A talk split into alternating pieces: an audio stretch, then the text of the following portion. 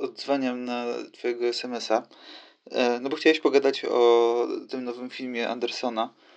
No, no, tak, Licorice Pizza. E, wiesz co, szczerze powiedziawszy, nie jestem jakimś wielkim specjalistą, bo wstyd się przyznać, to jest pierwszy film Andersona, który ogląda, obejrzałem od początku do końca.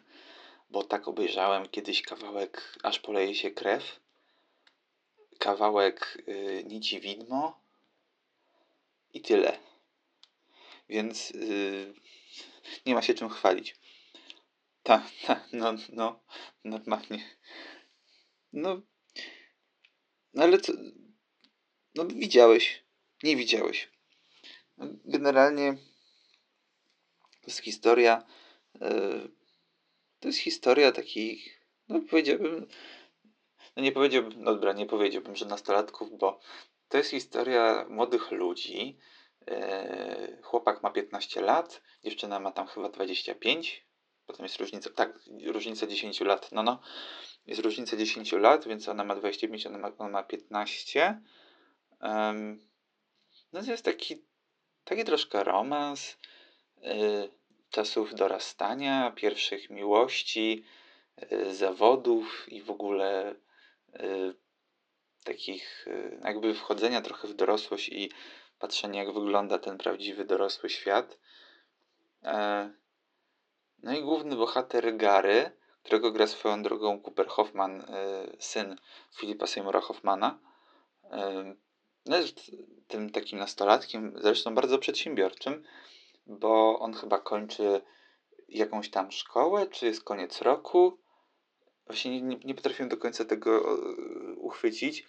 I są robione zdjęcia takie pamiątkowe do chyba y, tego y, yearbook, to się nazywa, to jakby album rocznikowy, czy coś w tym stylu.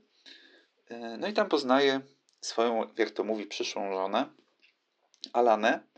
Y, I ona pracuje właśnie w tej firmie, która robi te zdjęcia. Ona nosi tam chyba lusterka, jakieś grzebienie, szczotki, gdyby ktoś chciał sobie poprawić fryzurę czy coś w tym stylu. E, no i on zaczyna ją podrywać. I ona, no, ona ma 25 lat, on ma 15, więc to wygląda tak troszkę żałośnie. E, no i od tej pory będą tak, takimi siłami, które wzajemnie się trochę zwalczają, no ale nie mogą jakby bez siebie żyć. Ona coraz bardziej się przekonuje, że on jednak jest y, jest bardzo sympatyczny, jest y, przedsiębiorczy, bo to się później okazuje, zaraz ci powiem, powiem no i że w ogóle są sobie przeznaczeni, czyli taka miłość od pierwszego wejrzenia.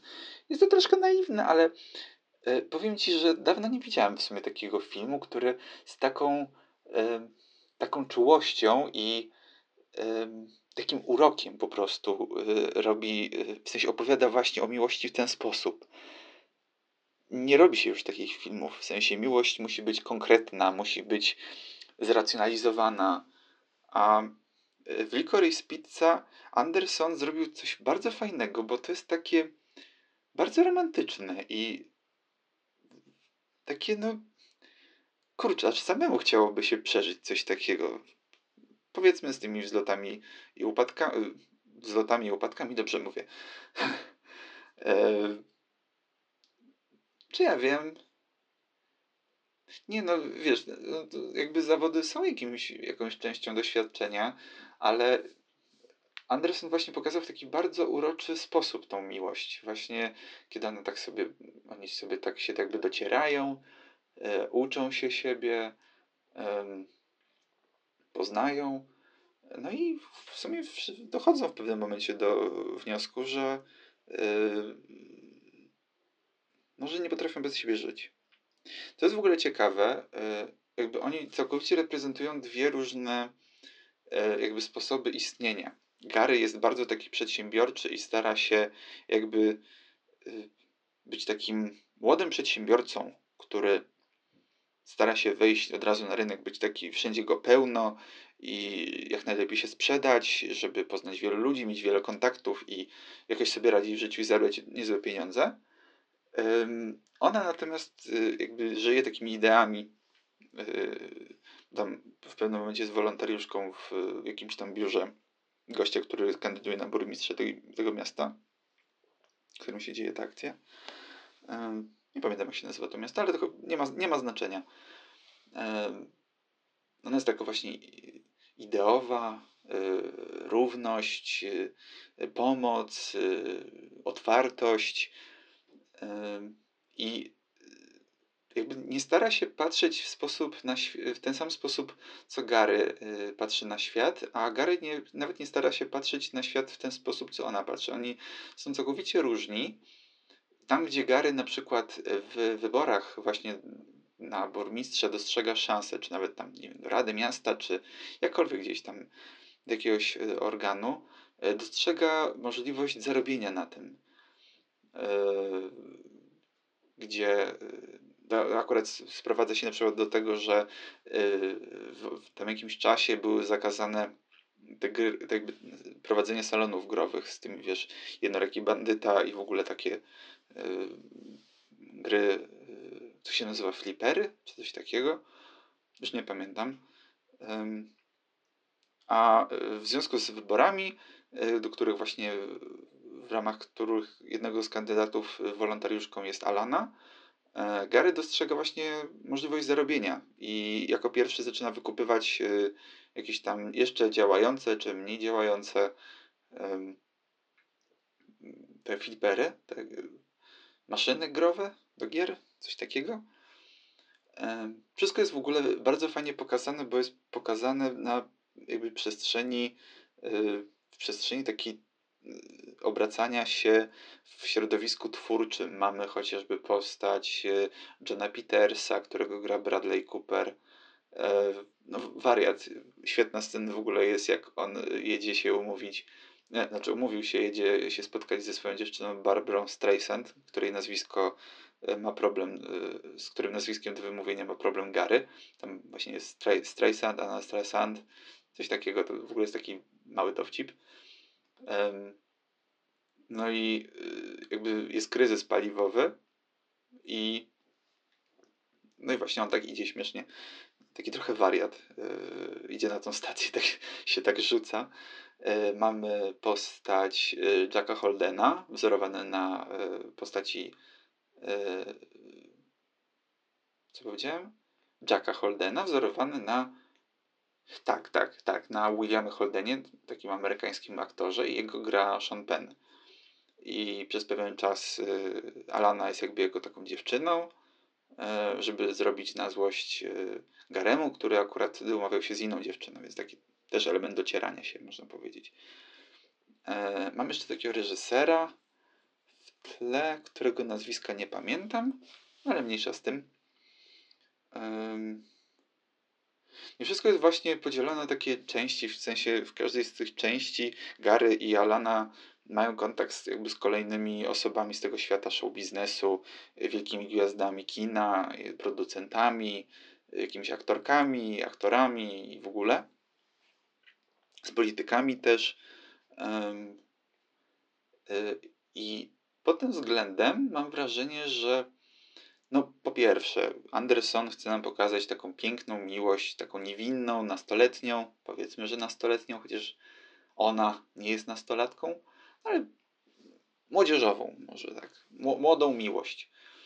Po drugie zaś, mm, Anderson pokazuje y, jakby ten amerykański sen. No, jest, y, no Anderson słynie z tego, że dekonstruuje mity y, amerykańskie. No i chociażby tutaj właśnie, że y, matka Garego pracuje gdzieś w Vegas. Nie wiemy dokładnie gdzie, no ale chyba można się domyślić, że pracuje pewnie w jakimś kasynie. Co tam robi, nie wiemy. No i Gary musi sobie jakoś tam radzić z życiem, w życiu też. I E, no i zakłada firmę, prowadzi różne firmy. E, raz prowadzi jakąś e, właśnie firmę copywriterską, w sensie pisze takie krótkie teksty reklamowe.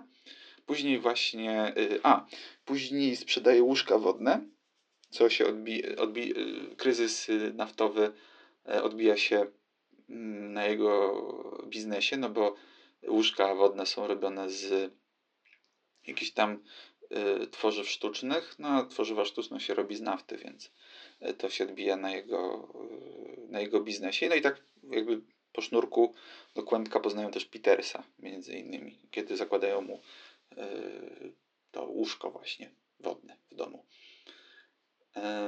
No i ostatecznie kończę na tych fliperach. Anderson chyba tak trochę komentuje jakby podążanie za sukcesem, za pieniędzmi, y, jakby do granic możliwości, na zasadzie, że nawet dzieci muszą to robić, albo są uczone przynajmniej tego. No, powiedzmy, że w jakiś tam sposób jest to skomentowanie tego, że dzieci od małego są uczone, że muszą non-stop zarabiać, że muszą sobie radzić, że nawet muszą w jakiś tam sposób wyręczać swoich rodziców, y, którzy nie są w stanie za wszystko zapłacić i sami, same muszą y, właśnie zarabiać jakby na swoje życie. Po, po trzecie zaś e, mamy taki komentarz e, środowiska twórczego w Stanach, gdzie to są tacy trochę dziwni ludzie. Oglądaliśmy, no oglądaliśmy powiedzmy, ja nie oglądałem, ale jakby tak uogólniając, ich na ekranach, gdzie są jakimiś tam ikonami, wpisują się nie wiem, w postać, że dany aktor kojarzy nam się, nie wiem, z bycie kowbojem albo gangsterem, obojętnie. E, tymczasem ci ludzie są naprawdę dziwni w takim jakby codziennym życiu, gdzie mamy właśnie tego Holdena, który no, w filmie skakał sobie przez ogień, ale powiedzmy, że robił to w ramach filmu, gdzie tam mogły być podczepione liny, a de facto on to robi na polu golfowym. To samo. Skacze Y, motorem nad, y, nad ogniskiem. No, trochę to takie szalone i dziwne. Mamy w końcu Petersa, no, który jest. No, Cooper świetnie go zagrał. E, podobno Peters taki był. W sensie gdzieś tam właśnie widziałem wywiad, że się rzeczywiście tak trochę. E, ja bym to nazwał, że jest taki zelektryzowany trochę, taki cały czas jakoś się tak dziwnie rusza są to ludzie trochę dziwni.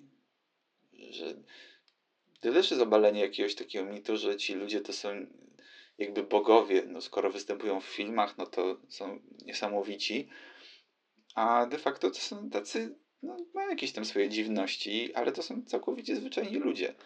Jest to poniekąd też taki trochę komentarz samego Andersona, ponieważ on y, od małego się obracał w y, środowisku twórczym więc może to jest takie przeniesienie trochę yy, jego doświadczeń.